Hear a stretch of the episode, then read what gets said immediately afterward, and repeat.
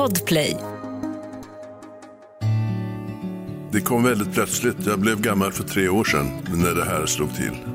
Den här typen av krämpor kommer ju lika förr eller senare om man får leva och hälsa. Men man kanske kan tycka att jäklar, det kunde ha kommit lite senare.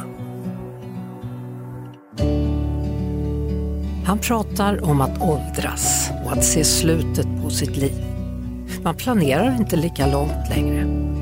Men han har lösgjort sig från 1900-talet och är nu fri att skriva som han vill. Vem snackar jag med? Jo, författaren Jan Guillou.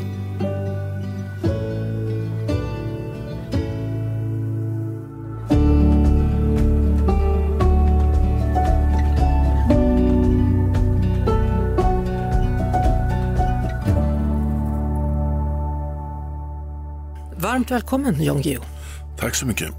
Hur är läget? Ja, det, det kunde ha varit värre. På vilket sätt? Jag opererades för ett par år sedan för en ryggskada som uppstår till följd av att sitta 50 år och 8 timmar om dagen på en stol och skriva på skrivmaskin. Ehm, Jag kunde inte sitta och skriva längre så att något måste ske. Efter operationen så kan jag sitta och skriva men inte gå särskilt väl i alla fall. Och ehm, sen genom ett mycket elegant språng så lyckades jag förra sommaren bryta lårbenshalsen. Så att, eh, ned, de nedre regionerna av mig fungerar inte som de en gång gjorde kan man säga. Hur går det med jakten då? Då blir det ingen jakt. Överhuvudtaget? Jo, lite. Man kan ja, jag kan klättra upp i torn och sitta som Leif GW Persson där. Och, eh, fast jag klättrar själv. Jag antar att han måste ha en frontlastare för att vi klarar det där. Och ehm, kommer det förbi ett djur så kan jag skjuta det. Jo, eh, men det, det är inte samma sak som att kunna röra sig själv. Alltså är det en naturlig del av åldrandet det här eller? Hur ja, det är klart det. Ehm, det kom väldigt plötsligt. Jag blev gammal för tre år sedan när det här slog till. Uh, året dessförinnan så gick jag en hel dag, 8-10 timmar i solen på den tanzanianska savannen utan problem. Och sen där blev det ett dramatiskt fall. Hur gör man för att, liksom, vad ska man säga, vara överens med sig själv om den saken eller vara överens med livet? Ja, alla inser ju att den här typen av krämpor eh, kommer ju lika förr eller senare om man får leva och hälsa.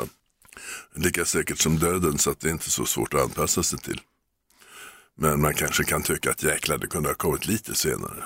Ja, jag vet eh, en del som jag har intervjuat som, som liksom känner att de har begränsad tid. Inte nog med det, de måste också förstå det faktum att vänner faller ifrån. Ja, jo men det lär man sig ju fortfarande då om man själv får leva och hälsan. Så dör vännerna en efter en. De senaste åren så har jag begravt sex vänner. Längtar man då till himlen? Ja, till, till tystnaden och stillheten snarare. Himlen tror jag inte så mycket på, som du förstår. Varför gör du inte det? Nej, det är irrationellt. Alltså det, de här föreställningarna kommer från en tid när man trodde att det fanns en planet i universum, nämligen vi. Och att det var mitten av universum och att sol och måne och de andra planeterna som vi känner till, eh, några stycken nämligen, eh, kretsade runt oss. Eh, Då kan den här typen av föreställningar uppstå eh, ganska naturligt. Men om vi tänker oss att den senaste uppgiften är att vi har 40 miljarder planeter i Vintergatan, vår egen galax, som är, har samma förutsättningar som jorden. 40 miljarder. Finns lite mer? Det finns, eh, Jesus måste ha haft det jobbigt om han ska åka runt och korsfästat en som ödla, en som människa, en som apa, en som sådär. Så att nej, Nej. eh, religionen passar inte in i vår moderna världsbild. Du är klar med 1900-talet nu i alla fall. Ja. Tio böcker blev det. Och 2000-talet då? Angriper du dem genom att ta tillbaka då Hamilton och Ponti, kan man säga så? Ja, att skriva i eh, presens, alltså precis i den samtid som eh, vi befinner oss i. Vilket är eh, rätt kul när man, om jag har skrivit så, eftersom jag har skrivit så mycket historia. Att skriva samtid. Och det var ju så att när jag var klar med 1900-talet så var det till min förvåning. För jag tänkte, va? Det här är omöjligt, det här går inte att göra. Men ja, ja nu har jag skrivit tio böcker. Och ja, vad ska man göra då? Ja. det, det var inte meningen att det skulle bli klart. Det, men ja, nu är det det. Och då insåg jag att eh, herregud, jag behöver inga regler längre. De senaste 40 åren har jag skrivit med en massa regler som måste uppfyllas. Eh, skriver man historia kan man inte flytta på historien, man kan inte flytta på världskrig till exempel. Man måste också skriva ett, ett särskilt språk om man ska påstå sig skildra 11 och 1200-talet. Med ett helt annat sätt om det gäller 1950-talet. Regler, regler, regler. Men nu var alla regler borta, jag kan skriva precis vad jag vill och hur jag vill och i vilken stil som helst. Så då blandade jag eh, ett tiotal olika litterära Eh, stilar och eh, teoretiska modeller för hur man ska skriva i en enda hög och så tog jag en, en hushållsmixer och körde ner den i högen och sen hade jag väldigt roligt när jag berättade om det där. Och Hamilton kom in i bilden på det sättet att det, det slog mig att han blir pensionär, eller skulle bli då för, förra året. Mm. Och jag minns att när jag blev pensionär Eh, så fick jag en massa roliga erbjudanden om hur jag nu ska kunna framsläpa mina dagar på väg mot döden. Och det roligaste erbjudandet var att få delta i en kreativ skrivarkurs för pensionärer. Och jag var ett kort ögonblick frestad att tacka ja där men insåg att det hade varit elakt och lade. Ja, du gick på dragspelet istället? Eller? Ja, eh, naturligtvis.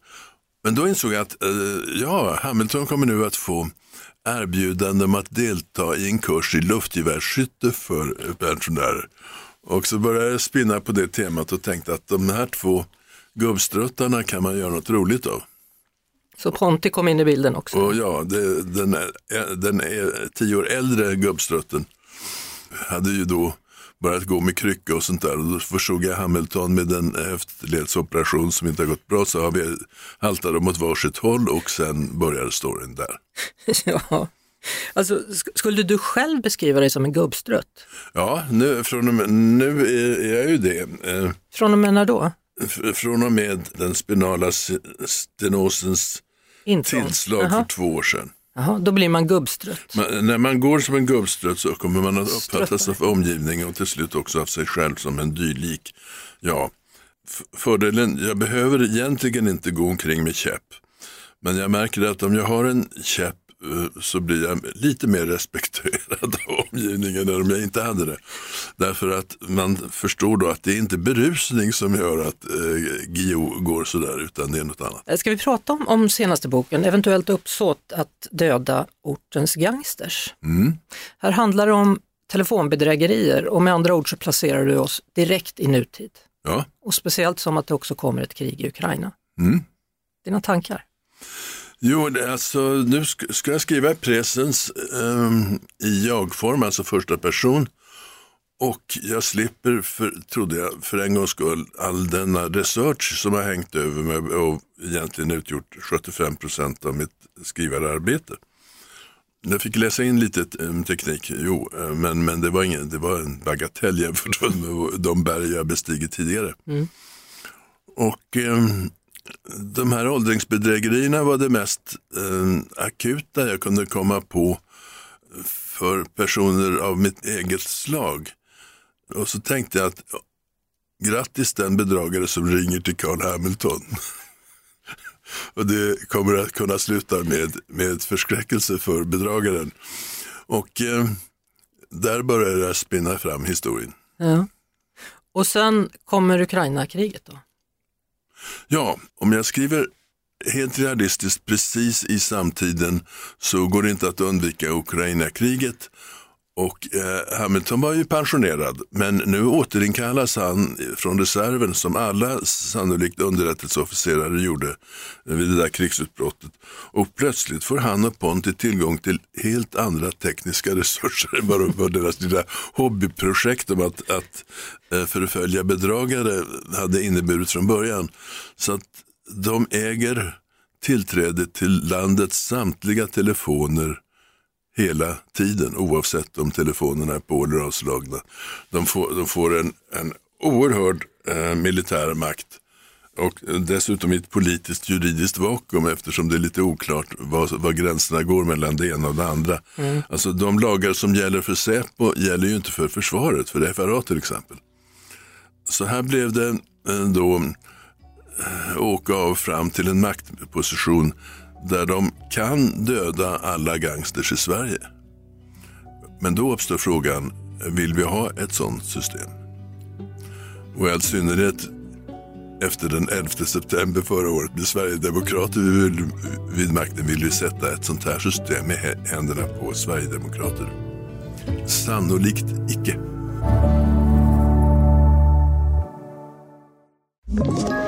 Ett poddtips från Podplay. I fallen jag aldrig glömmer djupdyker Hasse Aro i arbetet bakom några av Sveriges mest uppseendeväckande brottsutredningar går vi in med hemlig telefonavlyssning och, och då upplever vi att vi får en total förändring av hans beteende. Vad är det som händer nu? Vem är det som läcker? Och så säger han att jag är kriminell, jag har varit kriminell i hela mitt liv men att mörda ett barn, där går min gräns. Nya säsongen av Fallen jag aldrig glömmer på Podplay.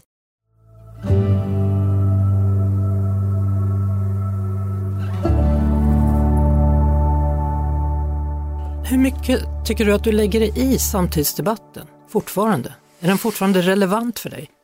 Eh, ja, jag delar är, är, är naturligtvis det. Men eh, allting som rör politik, demokrati, rasism, eh, utlänningslagstiftning, eh, säkerhetsregler och sånt där som jag behärskar, där kan jag fortfarande delta. Men, men det som intresserar yngre människor eh, blir annorlunda. När, när jag kom ner till, när jag skulle in i huset här idag så frågade receptionisten mig vad jag hette. Och först blev jag förvånad och trodde det var ett skämt men sen insåg jag att nej så är det. Så, alltså en stor del av svenskarna vet inte längre vem jag är och inte bara jag intresserar sig för helt andra saker än vad jag intresserar mig för. Mm. Men ehm, det, det, är jag ju inte den första människan på jorden som har upplevt och snart ska jag dö så det är inget långvarigt problem snart ska jag dö kom bara sådär. Ja, statistiskt är det ju så. Jag menar inte att jag känner mig akut döende eller sådär, men, men äh, det, det, det, närmar sig. Va, hur tänker du kring det då? Ja, att, att ähm, jag har haft ändå tur att jag har fått eh, leva så länge i ett sånt land där, där risken för sådana som jag är ganska liten. Jag är ju ex exklusiv i det att jag har suttit i fängelse för det jag har skrivit. Jag menar, det är en ovanlig sak i, i vårt land. Och har kunnat eh, jobba i, i, eh, fram till 80-årsåldern och eh, eh, det, det, är ju bra. Mm. Då, då, kan man inte gnälla. 80 år nästa år? Ja. Hur ska du fira? Jag vet inte, det är 17 januari, det är en sån oangenäm årstid också. Så jag, jag firade 70-årsfest på restaurang med, med de vänner som fortfarande fanns kvar. Mm. 80-årsfesten skulle då bli glesare och om man gjorde samma sak så jag vet inte. Men jag, jag förtränger den frågan tills vidare. Mm. Tänker man, när man har blivit 79, tänker man det finns vissa saker som jag fortfarande vill, vill hinna med? Nej, ja det beror på. Alltså, jag har hunnit med alla de litterära projekt som jag har tänkt ut eller planerat.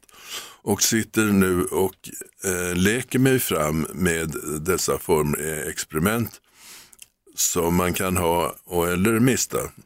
Men som inte kan jämföras i ambitionsnivå med vad, eh, liksom skriva hela 1900-talet till mm. exempel. På det sättet är det en ganska behaglig tillvaro. Jag har liksom ingen panik över att jag måste hinna med det här innan jag dör en sån här Hamilton eh, som pensionärbok till eller inte spelar inte så stor roll. Är du på gång igen då? Ja, ja. ja. men jag måste avvakta eh, kriget eh, lite innan jag kan sätta igång. Ja. Så att jag fördriver tiden med att skriva en tv-serie istället om, om Gustav den tredje, bland annat. Spännande. Ja, det, kan, det är meningen att det ska bli mera kul än spännande.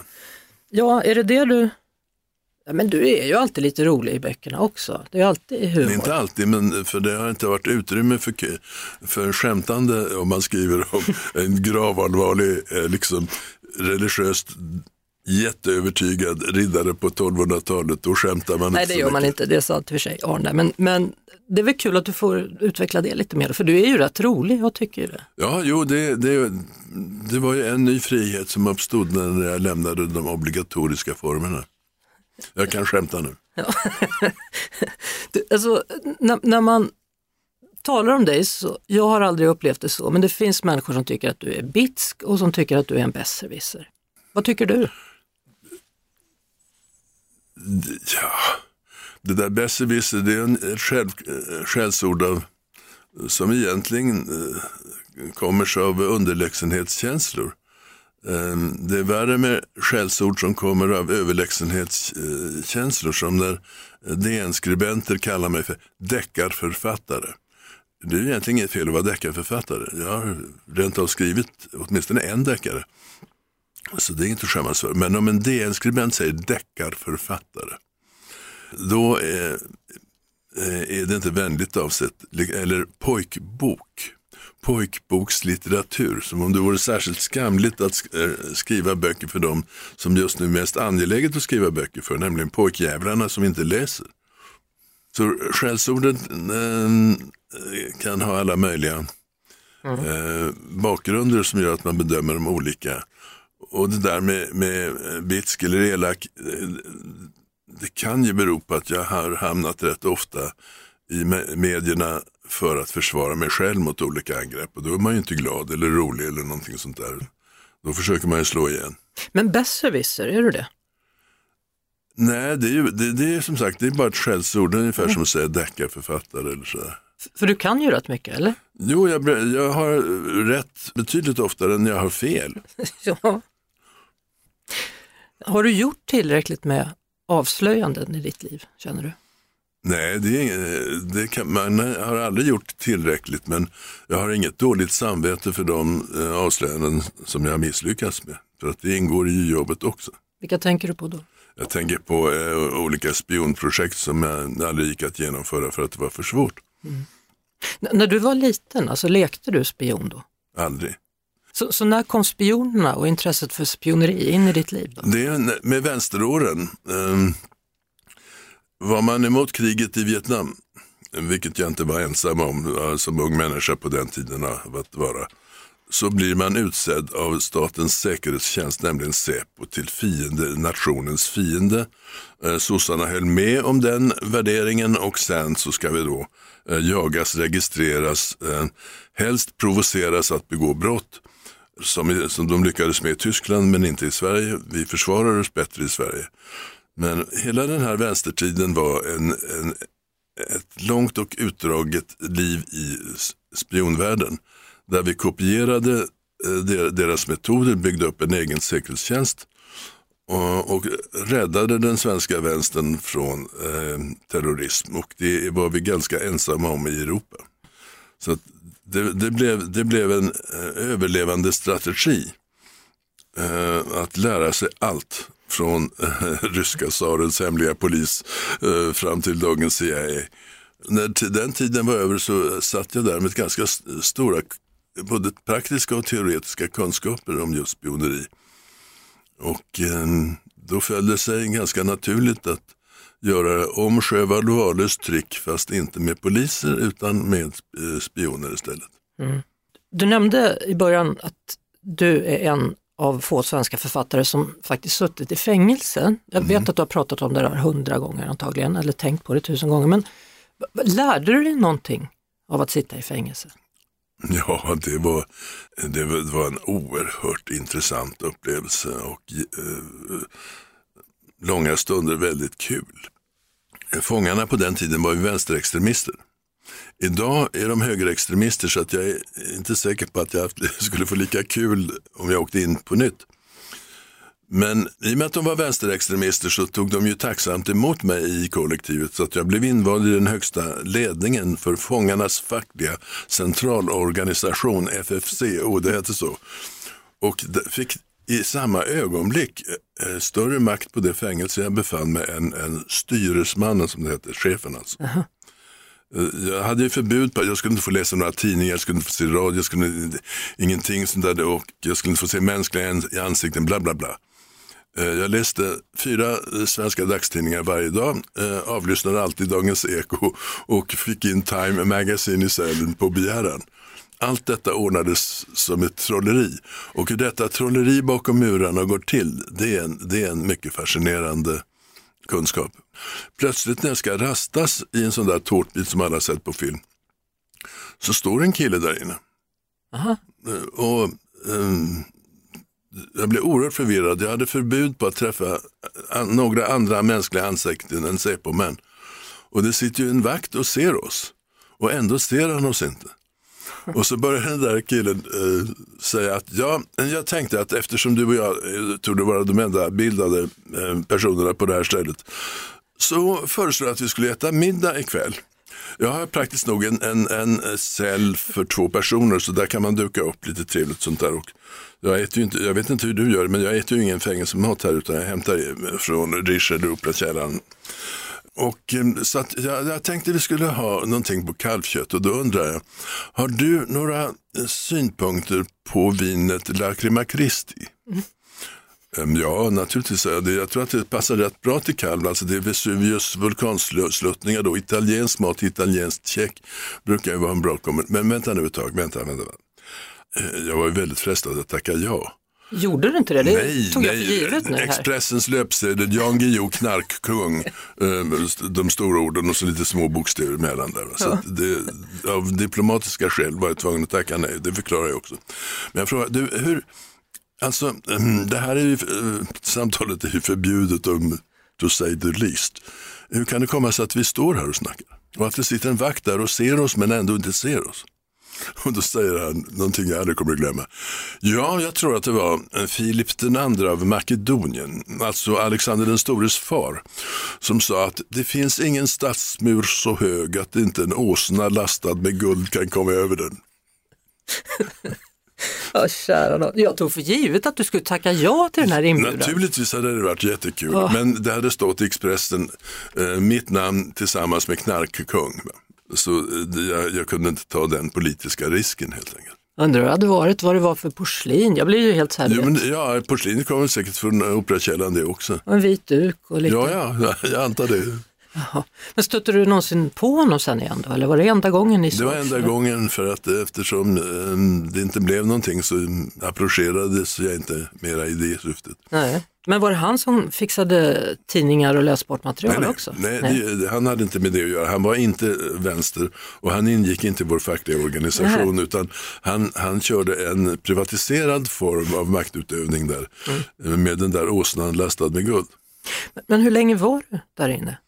Ehm, åtta månader eh, som häktad på Långholmen och tyvärr bara två månader som fånge på Österåker. Tyvärr bara två. Ja, det var jättekul, det var jätteintressant. Ja. Där hade ju journalister försökt att komma in i åratal, det var en av de två hårda riksanstalterna. Ehm, Så där satt alla eh, mördare och bedragare och knarkungar och andra. Men, men du fick prata med dem då? Ja, jag var ju, chef, så- jag var ju chef över fångarna. Så det tog jag det. Jag hade en timmes mottagning varje dag, eh, där mycket utanför cellen. Där det, man kom med allehanda besvär. Eh, någon plit som inte hade levererat knark trots att den har fått betalt och som han nu begärde tillstånd att få döda. Och, vilket jag inte medgav. det skulle varit anstiftan till mord, herregud. Det är inte därför jag eh, sitter här på fängelset. Eller eh, folk som hade ut, konstiga utvisningsärenden.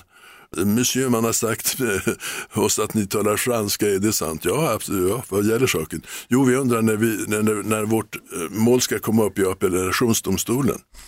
Eh, ni kommer inte upp till någon appellationsdomstol, ni är färdigdömda, det här är inte häkte, det här är fängelse. Jag antar att ni har skrivit på någonting. Ja, de sa att om ni skriver på här kommer ni till ett bättre ställe. Ja, det kallas nöjdförklaring.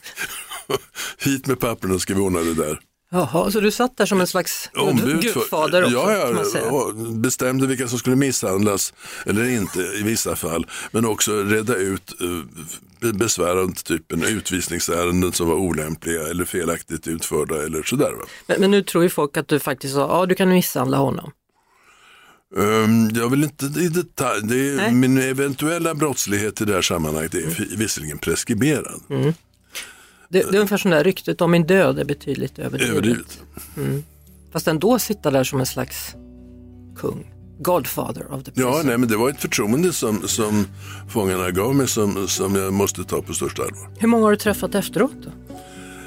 Eh, inte så många därför att jag eh, återföljer ju inte brottslighet.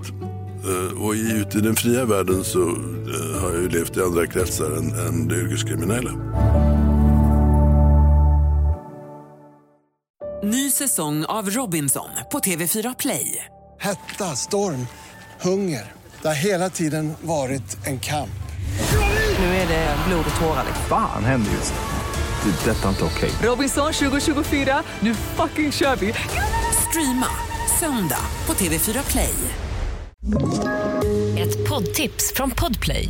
I fallen jag aldrig glömmer djupdyker Hasse Aro i arbetet bakom några av Sveriges mest uppseendeväckande brottsutredningar.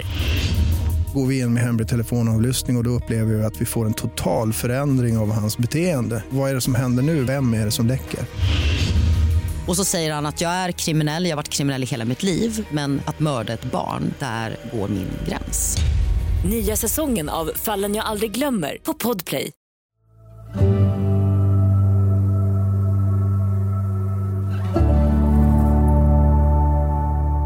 Jag måste ändå ställa den obligatoriska frågan. Visst är skrivmaskinen kvar? Ja. Och, och visst har du tillräckligt med färgband för några veckor till? Absolut. Hur- många köpte du egentligen in där? Ja, det där med färg, det, alltså ett, ett tag försvann färgband, men jag tror att man kan, nu har man återupptagit produktionen, så färgbandsproblemet är Löst. numera borta. Du, ehm, hur är det att vara morfar? Nej, det är, det, är, det är inget särskilt märkvärdigt. Jo, Nej, jag, nu svarar du helt tvärt emot vad alla andra gör. De säger ja, jag åh, vet, det åh det är så underbart och barnbarnen bla bla. och livets efterrätt och allt vad det är som Nej, Silvia nej. säger till exempel. nej. Nej, för att? Ja, det, det, det är, jag har två lyckade barnbarn än så länge. Det kan, ser ut att kunna gå bra för dem. Och det är jättetrevligt och jag tycker om dem. Men det är ju liksom ingenting som eh, uppfyller min tillvaro på något sätt. Men leker du inte med dem eller läser böcker? Eller? Nej, de är för stora nu för. Mm, Men när de var små då? Ja, jo, ibland. Men de hade två mammor som, som var eh, oerhört ambitiösa och sköt, sköta den typen av, av barnavård. Mm. Så du har aldrig varit barnvakt? Nej, faktiskt inte. Nej. Det har aldrig behövts. Det hade efter, en tjänst som aldrig har efterfrågats. De kanske inte vågar fråga då eller? Trodde de att du skulle säga nej, eller vad hade nej, du sagt? Nej, absolut inte. Det skulle jag naturligtvis inte ha gjort. Du, när du blickar framåt då, vad, vad, vad ser du? Jag kan, jag kan ju inte blicka framåt särskilt långt. Eh, Min blick framåt st- sträcker sig ungefär ett, sådär ett halvår, ett år. Och vad som ligger bortanför ett år bryr jag mig inte om. Eller funderar jag inte över. Skulle åka till Kanada tillsammans med min fru i september. Så, så långt var planen given. Men nu har Kanada infört mera amerikansk stil så att jag blir inte insläppt i Kanada längre. Jaså? På grund av tidigare... Eh, På grund av eh, de uppgifter som kanadensiska myndigheter från, från vår, vår kära svenska säkerhetspolis. Jag har kritiserat säkerhetspolisen i olika sammanhang och de eh, ger igen genom att sprida idiotskvaller om mig runt om i världen. Så, så du skulle kunna komma dit då som 79-åring och begå ett brott då? Ja, de Säpo har ju sagt det. Så att, Vad är det för Kanada- brott du ska göra i Kanada har du tänkt? Jag är terrorist. Du är terrorist, ja. Jag tänkte emigrera dit, i, i, men det, de, ifall det skulle bli nödvändigt så emig- emigrera. Eh, och jag såg det som självklart. Jag har varit fem, sex gånger i Kanada tidigare. Jag har till och med infört vapen i Kanada eftersom jag har varit där på jaktresor. Men nu har man eh, skärpt reglerna eller också har Säpo eh, informerat dem, min, dem om min oerhörda farlighet. ja. Men reser ni mycket eller? Ja, vi tillbringar varje jul och nyårsperiod vid ett blågrönt hav någonstans under en palm. Ja. Och då njuter du? Ja, Men, men det är fortfarande så att du har liksom lusten kvar att skriva? eh, ja, eh, fast inte i samma utsträckning som för 25 år sedan. Nej. För, för er, är det liksom lusten och drivet att skriva eller är det för att du vet att du mår bra av att du skriver? Ja, alltså det min, min pensionärsverksamhet, eh, typ Mata duvorna, eh, blir ju förstås att skriva fast inte skriva med samma ambitioner och samma kraft och, och samma ursinniga samhällskritik och sånt där som tidigare. Det, det är ju inte längre möjligt. Men, men jag sitter där och påtar med texter som är mera kåseri än eh, dödsallvarlig roman. Är Ann-Marie, din hustru, är hon förvånad eller? Det är den fördel jag har att jag är gift med en eh, bokförläggare. Författare i min ålder riskerar ju att plötsligt gå över någon sorts gräns där man inte eh, är bra längre. Men som sagt, jag har en bokförläggare som hustru. Hon kan säga åt mig när jag börjar bli liksom för gaggig. Hur, hur är du att, bråka med? Jag är eh, undergiven i den typen av domestika eh, bråk. Är du det? Ja, Jaha, det är hon som bestämmer då? ja. Bara gäller skrivandet eller maten eller allting? ja det, det mesta vill jag nog påstå. Jaha. Hon skulle inte själv hålla med, hon säger att vi delar på det där. Men, Eh, hur går det med vinerna? Hur har du det i din vinkällare? jo, jag, jag har aldrig köpt tillbaks de dyraste vinerna som den så kallade vinkällarligan tog ifrån mig. Därför att det är en sak att, att köpa, för att ta ett, ett, ett av exemplen då, en låda 1982 Cheval Blanc från Saint-Emilion för 800 kronor flaskan. Alltså, eh, det, det är ju inte värre än vad man betalar på, på krog. Men har man då vinkällare så stiger de där i pris och när de stals så var de värda 13 000 kronor flaskan. Försäkringsbolaget var vänligt nog att eh, betala igen eh, 800 000 någonting eh, för de viner jag uppgav att eh, jag hade blivit bestulen på. Så jag hade kunnat gå och köpa dem igen. Men ingen anständig människa köper vin för 50 000 kronor flaskan och sånt där. Så att jag kunde aldrig re- restaurera den, de där mest exklusiva delarna av vinkällaren. Och nu, nu kan jag heller inte liksom satsa på att lagra vin till värde därför att om jag köper ett vin så, nu som ska bli bra, vara som bäst om 20 år så skulle jag själv ha varit 100, det är inte sannolikt. Så att, eh, jag har blivit mycket försiktigare när det gäller att köpa vin och köper absolut inte sånt som ska lagras längre tid. Men, men för dig är det mer känslomässigt också? Då? Ja, ja, jag dricker vinerna, jag samlar Ja. inte på dem för att eh, visa upp dem. jag var hemma hos en sån där nyrik kille någon gång som hade byggt en fantastisk vinkällare. Eh, Med små gångar och springbrunnar och raffig belysning och sånt där. Och där låg all världens berömda viner. Och sen gick vi ut och, och, och eh, drack någonting helt annat och sådär för det var bara en uppvisning. Jaha, men det är tråkigt. Ja, och så vill jag inte ha det. Men det här med att, att ge sig in i Systembolaget och göra en box, det är inte din grej kan man nog lugnt säga. Nej, boxvin behöver jag inte. Jag har, jag har ju Nej, jag tänkte Jan Guillous vin, att du skulle sätta Jaså, ditt namn nej, på en nej, flaska. f- nej, det där bedrägeriet har jag svårt för. Alltså att eh, köpa in billigt bulkvin från Portugal, eh, tillsätta en extra sats socker i det och sen lansera det med under mycket skryt om att ja, liksom, eh, det här är ju liksom blindtestat va. Och, och det här är fruktansvärt bra. Alltså det här, är- alltså jag vill avhålla mig från kriminalitet så mycket som möjligt. Sommarplaner, har du några sådana? Tro. Ja, min fru och jag har sedan 20 år tillbaks alltid en särskild midsommarafton där vi hissar de svensk-norska unionsflaggorna. Som liksom upp, det där med den lilla sillsalaten i hörnet, det finns både norsk och svensk variant. Vi har båda. Och så kommer våra norska väninnor på eh, besök och så genomför vi traditionell svensk midsommar, alltså santhans som inte är en stor grej i Norge. Ehm, men desto större i Sverige. Så det är den närmsta sommarplanen och veckan efter midsommar så är vi ett gäng på åtta personer och jag har, tror mig ha förstått att vi ska till Karl Jan och Saxå herrgård bland annat. Då säger jag grattis, ni kommer att ha det fantastiskt. Ja, det, det, utgår, jag- det, det förutsätter jag. Jan Guillou, stort tack för att du kom hit. Tack själv. Hoppas vi ses snart igen faktiskt. Ja, eh, vi ska väl åtminstone hänga med ett år till. Jag kan inte göra det? Det vore väl bra.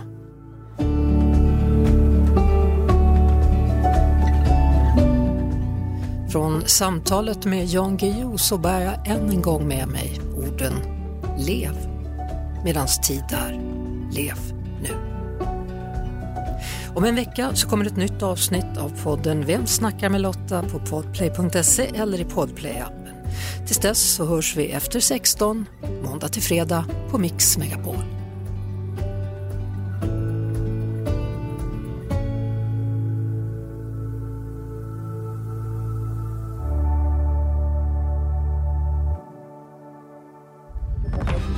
Podplay, en del av Power Media. Ny säsong av Robinson på TV4 Play. Hetta, storm, hunger. Det har hela tiden varit en kamp. Nu är det blod och tårar. Fan händer just nu. Det. är Detta är inte okej. Robinson 2024, nu fucking kör vi! Streama söndag på TV4 Play.